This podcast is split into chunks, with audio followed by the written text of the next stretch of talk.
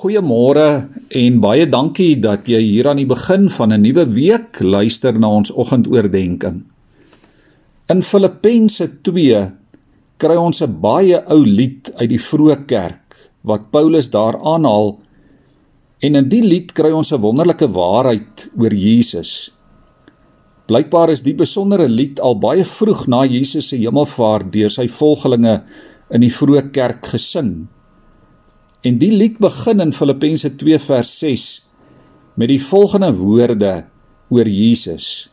Ons lees daar: Hy wat in die gestalte van God was, het sy bestaan op 'n goddelike wyse nie beskou as iets waaraan hy hom moes vasklem nie, maar hy het homself verneder deur die gestalte van 'n slaaf aan te neem en aan mense gelyk te word.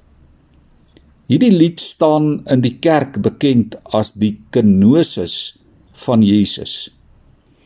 Dit is die spesifieke Griekse woord wat verwys na Jesus wat homself verneder het en leeg gemaak het ter wille van hierdie wêreld en ter wille van mense.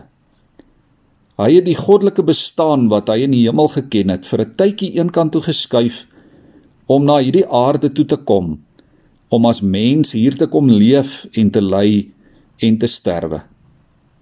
Filippense 2 teken 'n duidelike prentjie van Jesus se aardse lewe. Dis 'n storie van die een vernedering na die ander. Voor sy geboorte is hy al verstoot toe daar in Bethlehem vir hom nie 'n plek was nie. Mense het hom oor en oor verwerp. Hy is onverdiend gehaat en verag. Op hierdie aarde was daar nie vir hom 'n vaste adres nie.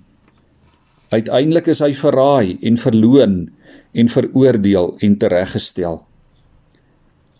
Wat die Jesus storie so aangrypend maak, is dat hy dit alles vrywillig op hom geneem het.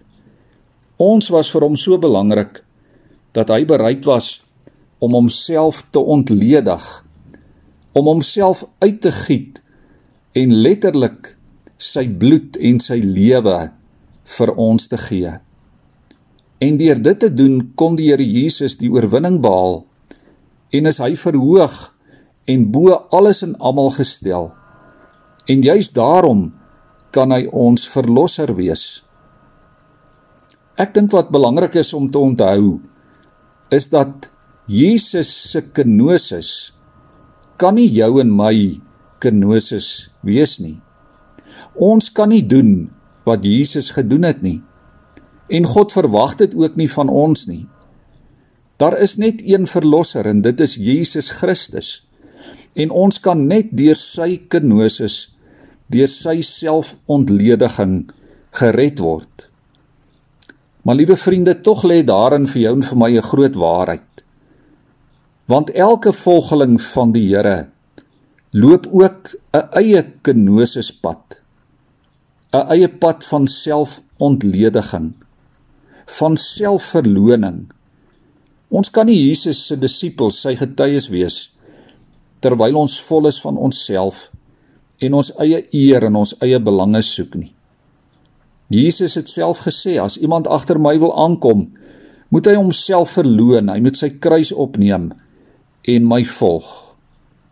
Jesus kies die voorbeeld van die kruis om te sê hoe die pad moet lyk wat jy en ek moet kies as ons hom wil volg. Dis 'n pad van selfontlediging, 'n pad van selfverloning. Om sy disippels te wees beteken 'n nuwe bestaan tot eer van die Here. Dis nie 'n omdraai pad nie. Dit beteken jy is dood vir jouself en jy lewe vir hom wat deur sy gees binne in jou lewe. Dis soos om 'n kruis te dra met die volle implikasie daarvan. Kom ons buig ons hoofde en ons bid saam tot die Here. Here, laat U meer word en ek minder. Dit is ons gebed, Here, vir vandag en vir elke dag. Maak ons leeg van onsself sodat ons vol kan word van U, vol van U vrede van u liefde en u deernis. Here leer ons om empatie te hê, om soos U om te gee. Ons buig voor U Here Jesus Christus en ons bely dat U die Here is. Amen.